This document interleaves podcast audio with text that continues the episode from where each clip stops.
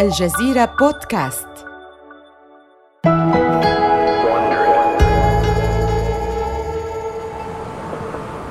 إنه خريف عام 1979 في مقر شركة ماكدونالدز بمدينة أوك بروك بولاية إلينوي الأمريكية. يخرج الرئيس التنفيذي لماكدونالدز ذو الوجه الممتلئ فريد تيرنر من سيارته. لا يكاد يشعر ببرودة الهواء حوله مع انشغال ذهنه بالتفكير بالدجاج واللحم. ما يشغله بالتحديد هي الدهون. لقد أصبح الأمريكيون أكثر وعياً بصحتهم وبدأوا في ترشيد تناول لحوم الأبقار واستبدالها بالدجاج. يدرك تيرنر جيداً ضرورة استجابة ماكدونالدز لهذا التغير لكن السؤال الأهم هو كيف يمكنهم ذلك؟ ما إن وصل إلى مدخل المبنى حتى وجد أمامه بريناي إيرند.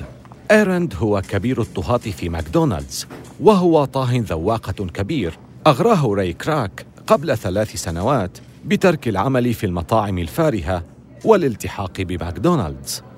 مرحبا ريناي ما الذي تعمل عليه الآن؟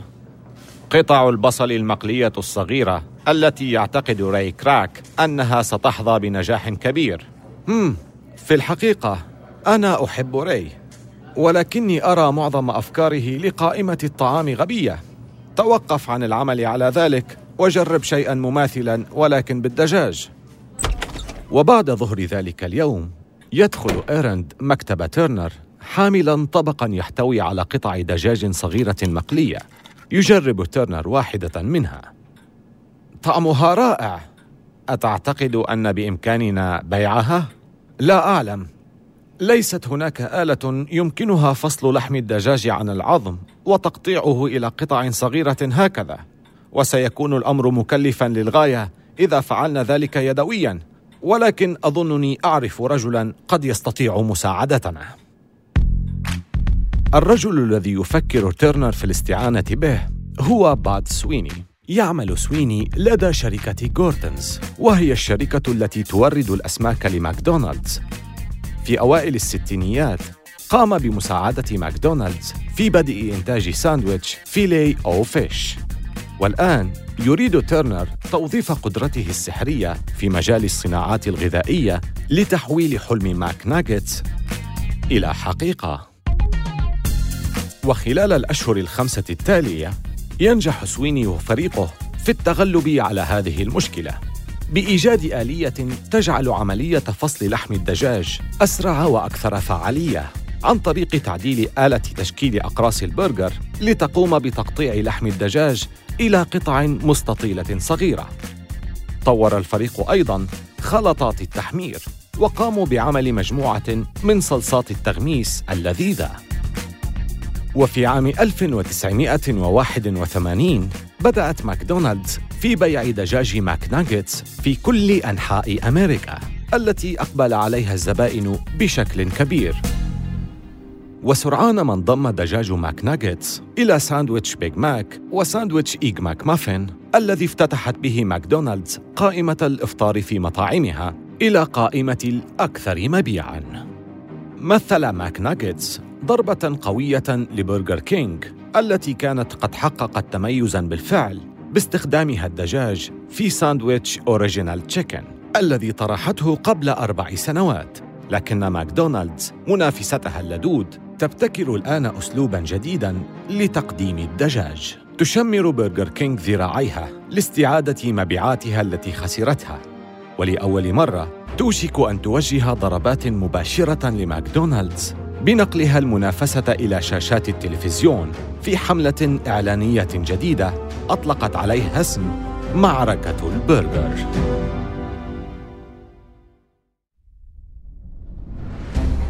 من الجزيرة بودكاست بالتعاون مع وونري هذا بودكاست حروب الأعمال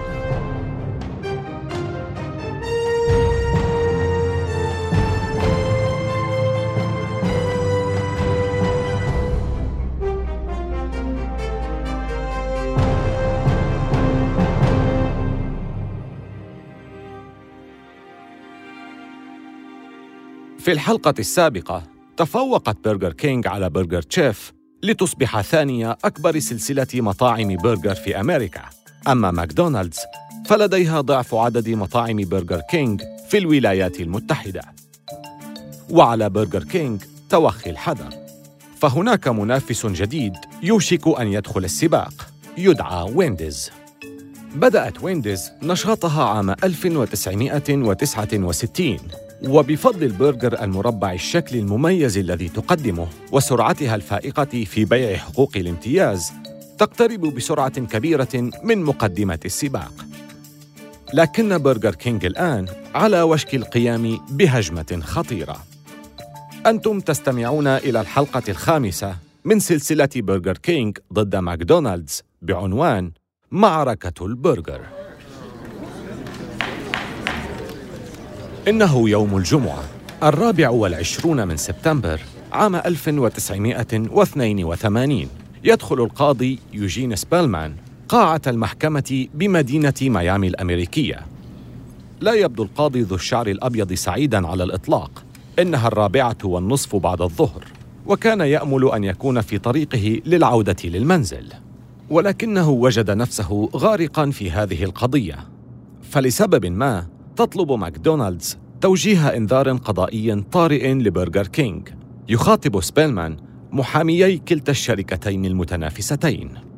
أتعلمان؟ لو كان لشعاريكما أي معنى لما كنت موجودا هنا.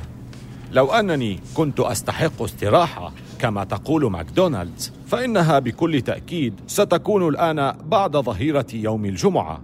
لو أن لي أن أختار كما أحب لما كنت سأختار البقاء هنا بكل تأكيد. ومع ذلك فنحن جالسون هنا. فما هي المشكلة؟ يقف محامي ماكدونالدز. برجر كينج على وشك بث حملة إعلانات تلفزيونية تدعي فيها أن منتجهم يفوق منتجنا في اختبارات التذوق. ويدعون أيضا أن أقراص البرجر لدينا أصغر من أقراصهم بنسبة 20% وهذه ليست سوى ادعاءات مضللة ومهينة. نحن نطالب بأمر قضائي يوقف بث هذه الإعلانات التجارية. يرد محامي برجر كينج سيدي القاضي إن برجر كينج لديها أبحاث ووثائق تثبت كل ما تدعيه. ينبغي على هيئة المحكمة رفض محاولة ماكدونالدز إيقاف الحملة الإعلانية لمنافسها الأول. إنها حملة إعلانية سليمة قانونيا. يفكر القاضي سبيلمان في الأمر ثم يصدر قرارا. لن أعطي انذارا قضائيا في هذه المرحلة ولكن يجب على برجر كينج أن تقدم لماكدونالدز الأدلة التي تثبت صحة ادعاءاتها. الأحد. السادس والعشرون من شهر سبتمبر لعام 1982 مضى يومان منذ أن فشلت ماكدونالدز في إيقاف الإعلانات الهجومية التي تبثها برجر كينج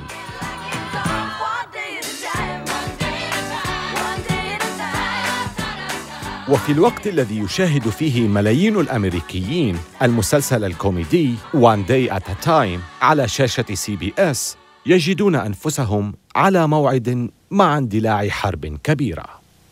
ينقطع بث المسلسل للانتقال إلى فاصل إعلاني وتظهر فتاة في الخامسة من عمرها على الشاشة تبدي غضبها من ماكدونالدز. هل أبدو لك أصغر بنسبة 20%؟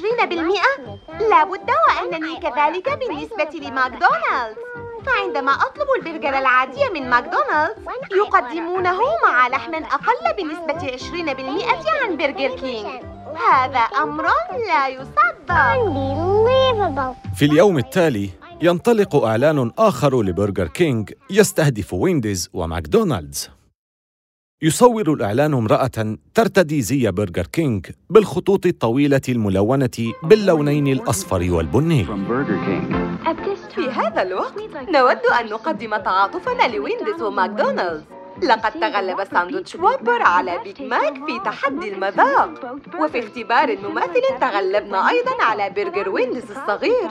ربما كانت هذه مفاجأة لماكدونالدز ووينديز لذا نريد فقط أن نقول لهما لا بأس يا رفاق. الفوز ليس كل شيء ولكن من المؤكد أنه أمر ممتع.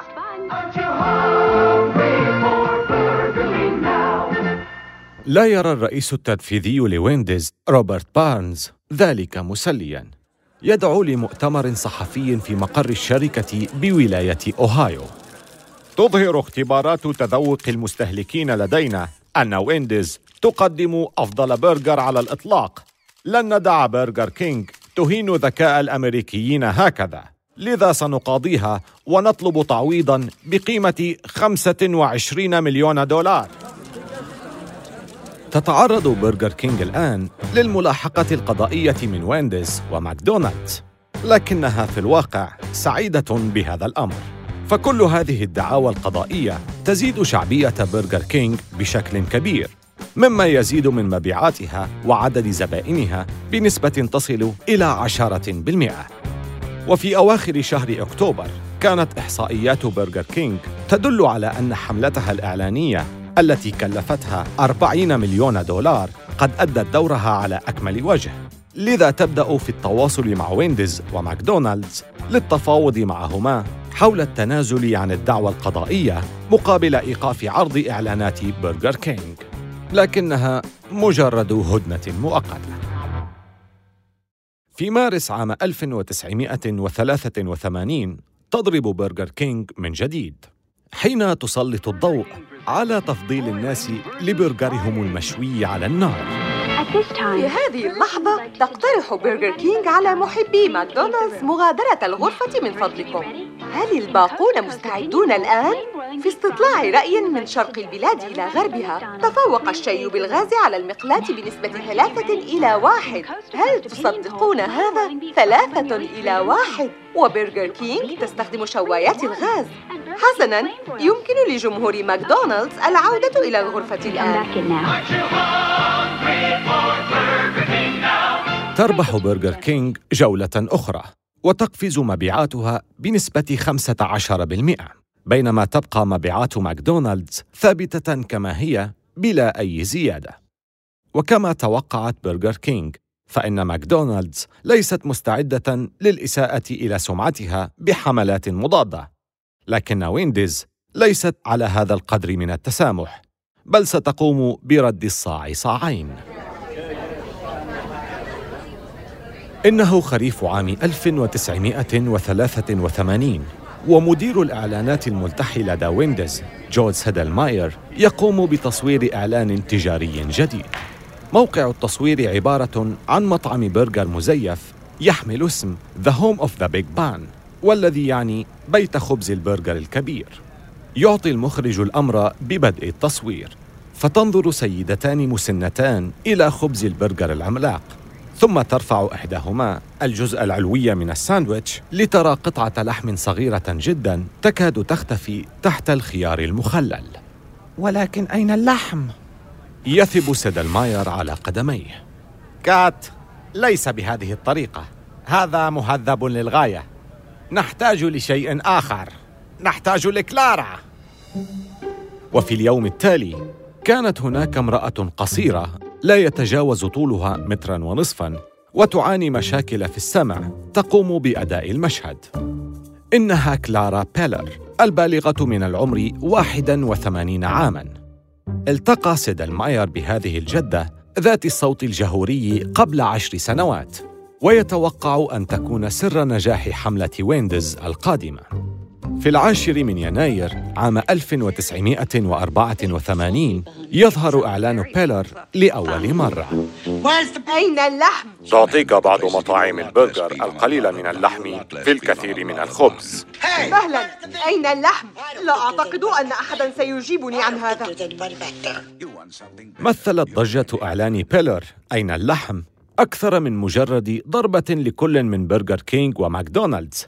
لقد دخلت هذه العبارة القاموس الأمريكي وفي غضون أسابيع قليلة أصبح الجميع يردد شعار بيلر في كل مناسبة حتى إن المرشح الرئاسي والتر مونديل استخدمه للسخرية من خصمه في مناظرة تلفزيونية.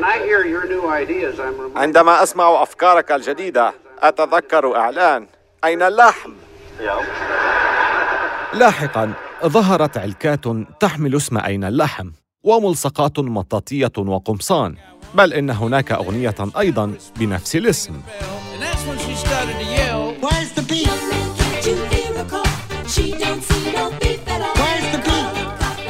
تقفز مبيعات وينديز بنسبة 32% وكان هذا هو الوقت الأمثل لأن برجر كينج على وشك الخروج من المنافسة لبعض الوقت. إنه مايو. عام 1984 في مدينة ميامي. يعمل نائب رئيس التسويق لدى برجر كينج دونالد ديمسي في مكتبه على مراجعة تأثير إعلان الشركة الأخير على المبيعات. يحاكي نجم الإعلان الجديد شخصية مستر روجرز في برنامج الأطفال التلفزيوني الشهير حي مستر روجرز يظهر بطل الإعلان مستر رادني ليخبر المشاهدين بأن كلمة اليوم هي McFrying كما يخبرهم بأن الشي على النار أفضل من القلي دونالد ديمسي. مرحبا أنا فريد راجرز. لربما سمعت ببرنامجي التلفزيوني للأطفال على قناة بي بي إس. يجب أن أخبرك بأنني لست سعيدا بإعلانكم الجديد. يدرك ديمسي حجم المشكلة. لقد أزعجوا أحد أشهر نجوم التلفزيون المحبوبين. أه لم نقصد أبدا الإساءة إليك يا سيد روجرز إنه مجرد أسلوب طريف لترويج منتجنا. سيرى الأطفال إعلانك التجاري وسيعتقدون أنني أنا الذي يقدم الإعلان وأنا أؤمن بشدة أن من واجب من يثق به الأطفال ألا يسيء استخدام هذه الثقة في تسويق المنتجات لهم. يعلم ديمسي حب الأطفال للسيد راجرز في كل أنحاء البلاد. ولذا قرر احتواء الضرر الذي سيقع على شركته. معك حق سيد روجرز. اولا دعني أعتذر لك شخصيا بشدة. ثانيا سأسحب الإعلان من التلفزيون بأسرع وقت ممكن وأؤكد لك على ذلك. شكرا. أقدر لك هذا. مع السلامة. إلغاء حملة مستر رادني الإعلانية. منحت برجر كينج لحظة للتفكير وتدبير الأمر. فبعد الضجة الإعلانية التي أثارها إعلان بيلر أين اللحم؟ أصبحت إعلانات برجر كينج التي تعتمد على المقارنة بينها وبين الشركات الأخرى لا تؤثر في المستهلكين كما كانت تفعل من قبل. والآن ينقسم أصحاب الشركة وأصحاب الامتيازات وفرق التسويق حول ما يجب فعله بعد ذلك. نتج عن هذه الانقسامات سلسلة من الأخطاء. بدأت بإعلان تجاري يروج لووبر فشل فشلا ذريعا حتى إن أصحاب امتيازات برجر كينج وصفوه بأنه إعلان تافه. ثم أطلقت برجر كينج حملة إعلانية بلغت كلفتها 30 مليون دولار تحمل اسم هيرب الأحمق. وفي هذه الحملة تطلب برجر كينج من الناس البحث عن هيرب الشخص الوحيد الذي لم يأكل في برجر كينج على الإطلاق. وفي هذه الأوقات تبدأ برجر كينج في البحث على مستوى البلاد عن رجل واحد اسمه هيرب. لا نعلم عنه الكثير سوى ما يخبرنا به أصدقاؤه عنه. هيرب لم يكن عاديا. هيرب كان مختلفا. وهذا ما يخبرنا به والداه عنه.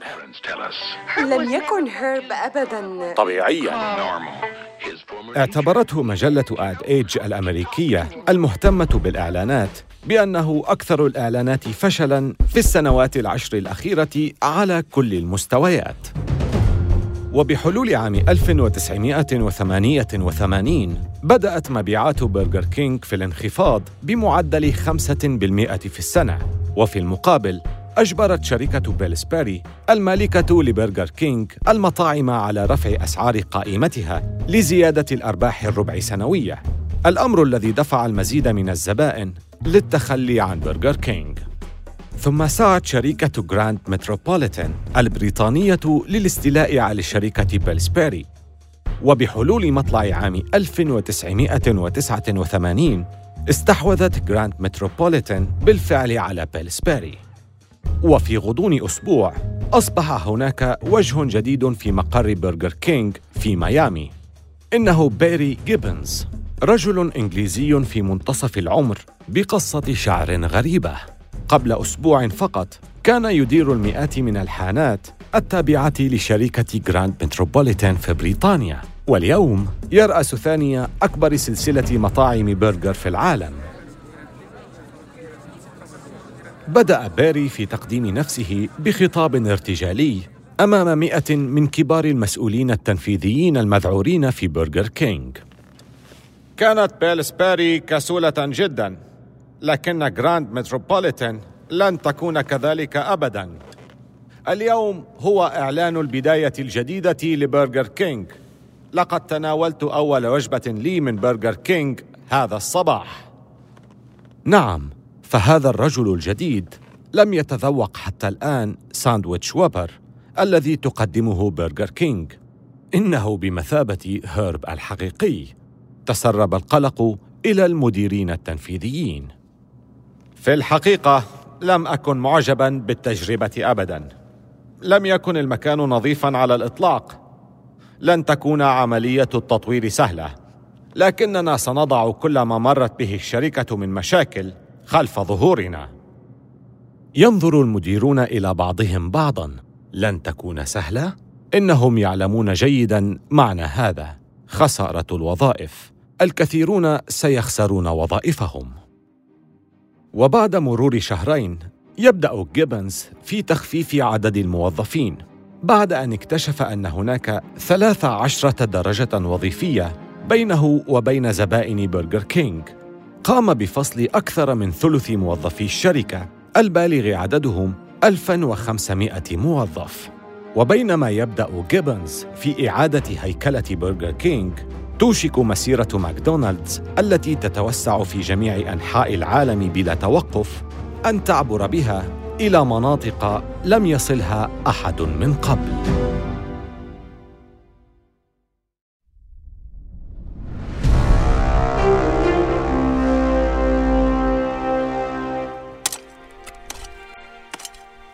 إنها أواخر عام 1989 والجيش الأحمر السوفيتي يقوم بحفر خندق في ميدان بوشكن بموسكو. وبينما يقوم الجنود بتجريف الأرض المتجمدة بالمجارف والمعاول يمر عليهم أحد المسؤولين في مدينة موسكو وهو يبدو عليه القلق. اعملوا بشكل أسرع من هذا. ستزورنا ماكدونالدز غداً.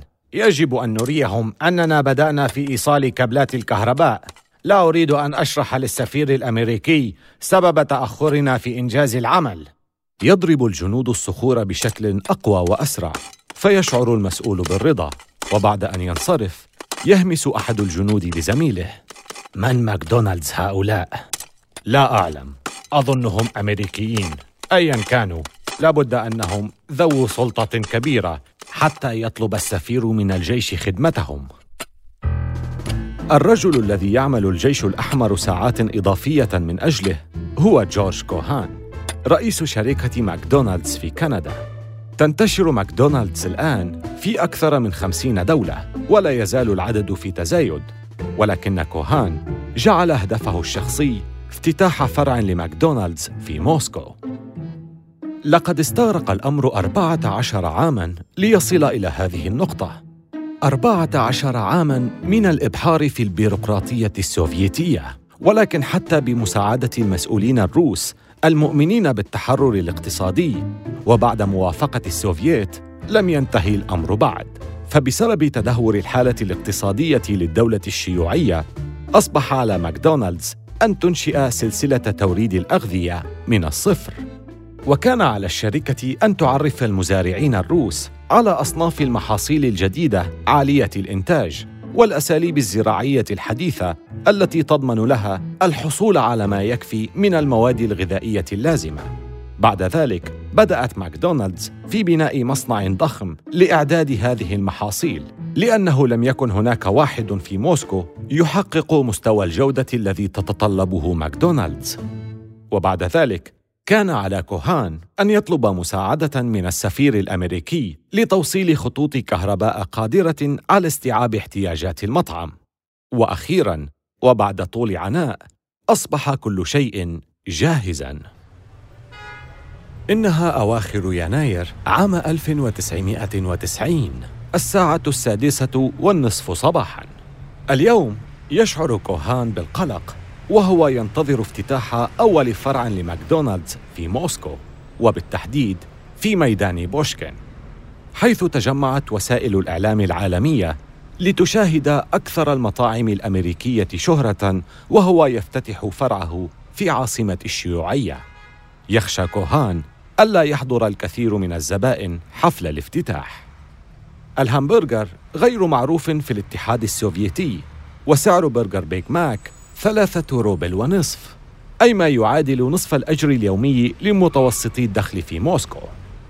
وصل كوهان ميدان بوشكين في وقت مبكر على أمل رؤية حشود من الزبائن ينتظرون في الخارج. ولكن الميدان بدا مهجورا ولا يوجد به أحد. كانت ملامح الحياة الوحيدة التي وجدها في المكان هي طاقم العمل داخل مطعم ماكدونالدز المضاء. وشرطي حراسة واحد يتجول في الخارج. يمشي كوهان نحو الشرطي. اعتقدت أن الناس لابد وأن يكونوا هنا الآن. هناك أشخاص منتظرون بالفعل لكنهم هناك عند زاوية الشارع. يأخذ الشرطي كوهان إلى شارع جانبي حيث يقف رجال شرطة وراء حواجز. خلف هذه الحواجز تجمع الناس. المئات من الناس لا بل الآلاف. يقفون على مد بصر كوهان وجميعهم ينتظرون بهدوء تجربة ماكدونالدز. يسير كوهان إلى قائد الشرطة. عفوا متى ستسمح لهم بالمرور؟ سنسمح لهم بالمرور في مجموعات صغيرة ابتداء من الساعة التاسعة والنصف صباحا. لا يريد كوهان ذلك. إنه يريد لكاميرات التلفزيون أن ترى تلك الحشود. يضع كوهان يديه على الحاجز المعدني بحذر شديد وهو يستعد لتحريكه جانبا. يتحرك الحشد بقلق ولا يستطيع كوهان التأكد من سبب ذلك هل هو الخوف أم اللهفة؟ يلتفت مرة أخرى إلى قائد الشرطة. لابد وأنها الساعة التاسعة والنصف الآن في مكان ما أليس كذلك؟ يرفع قائد الشرطة كتفيه ويعتبر كوهان هذه علامة الموافقة. يسحب كوهان الحواجز المعدنية جانبا وتبدأ الحشود بالتحرك للأمام في خط منتظم نحو أضواء الأقواس الذهبية الساطعة لماكدونالدز. وبينما ينتظرون في الخارج يلوح الحشد بالأعلام التي تحمل شعار ماكدونالدز ويشاهدون عروض ممثلين يرتدون أزياء ديزني.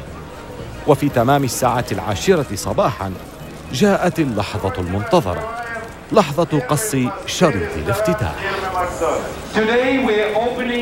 اليوم نفتتح أول فرع لماكدونالدز في موسكو.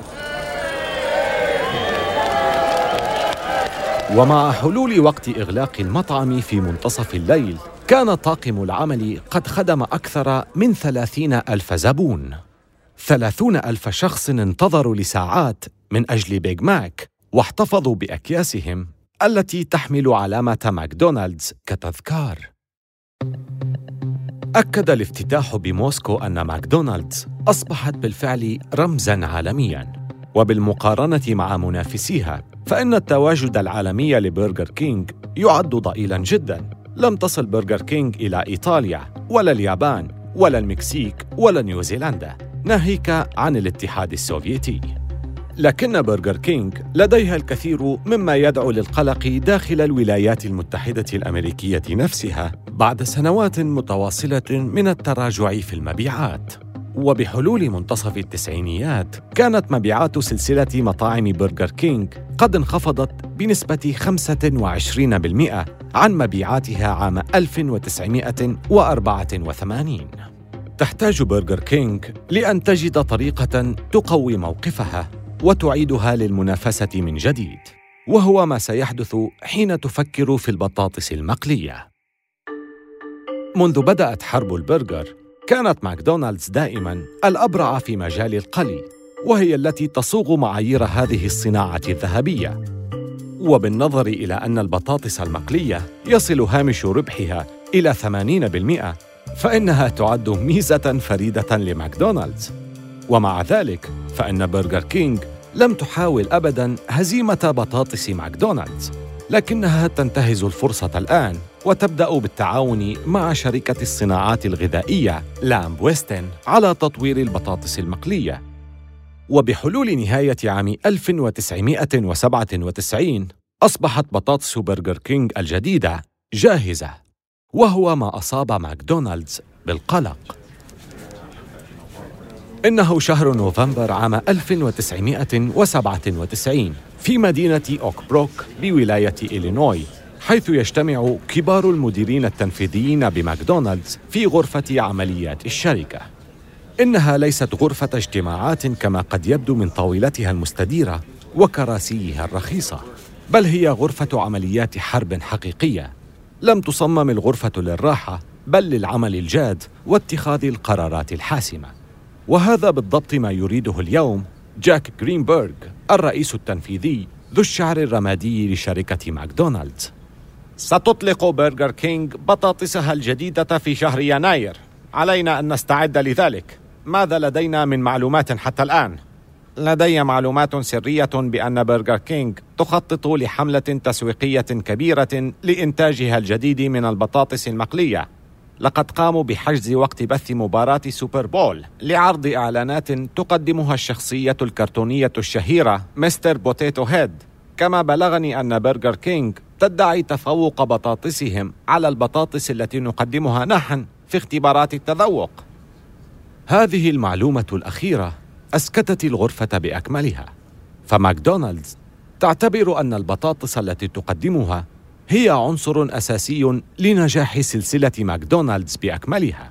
وبالتالي فإن كانت بطاطس برجر كينج أفضل بشكل ملحوظ فإن ماكدونالدز ستواجه مشكلة كبيرة بكل تأكيد. يعلم جرينبرغ أن على ماكدونالدز مواجهة هذا التهديد بجدية وبسرعة. كل طعام مقلي تقدمه مطاعمنا يجب أن يكون مثاليا. أريد اشخاصا يديرون عملية القلي بشكل مستمر يتحققون من الوقت اللازم للقلي ودرجات حرارة الزيت إذا فعلنا ذلك بشكل صحيح وأبقينا أعيننا على البطاطس فسننتصر.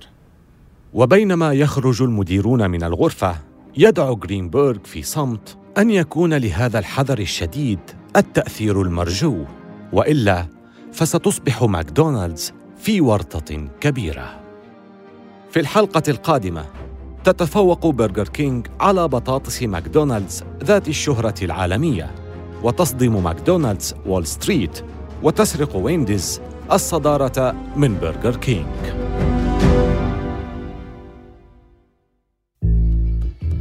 آمل أن تكونوا قد استمتعتم بهذه الحلقة من حروب الأعمال.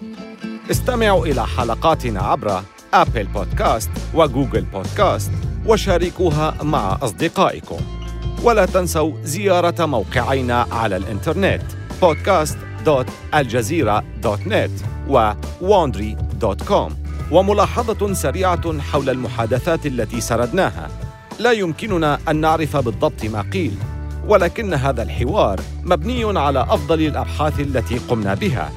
هذه السلسلة من حروب الأعمال قدمها في نسخة اللغة الإنجليزية ديفيد براون وكتب القصة تريستان دونوفان. كبيرة المنتجين هي كارين لوي محررة النسخة الإنجليزية إميلي فروست وجيني لوير منتجة. وقامت شركة Bay Area Sound بالهندسة الصوتية والمنتج المنفذ هو مارشال لوي. أخرج السلسلة هيرنان لوبيز لصالح شبكة وندري